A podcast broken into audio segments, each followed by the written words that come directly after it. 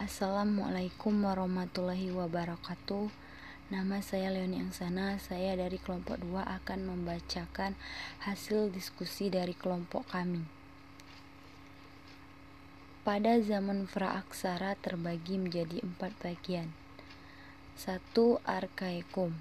Zaman ini merupakan zaman tertua kira-kira berlangsung selama 2500 juta tahun pada saat itu kulit bumi masih panas.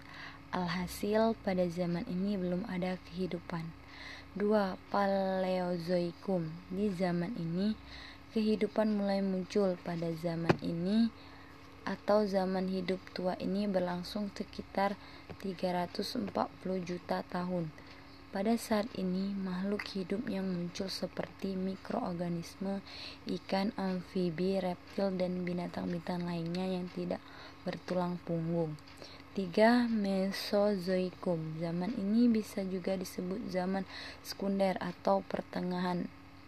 Jenis reptil mencapai tingkat yang besar sehingga pada zaman ini sering disebut juga dengan zaman reptil. Setelah berakhirnya zaman ini, maka muncul kehidupan lain yang jenis burung dan binatang menyusui.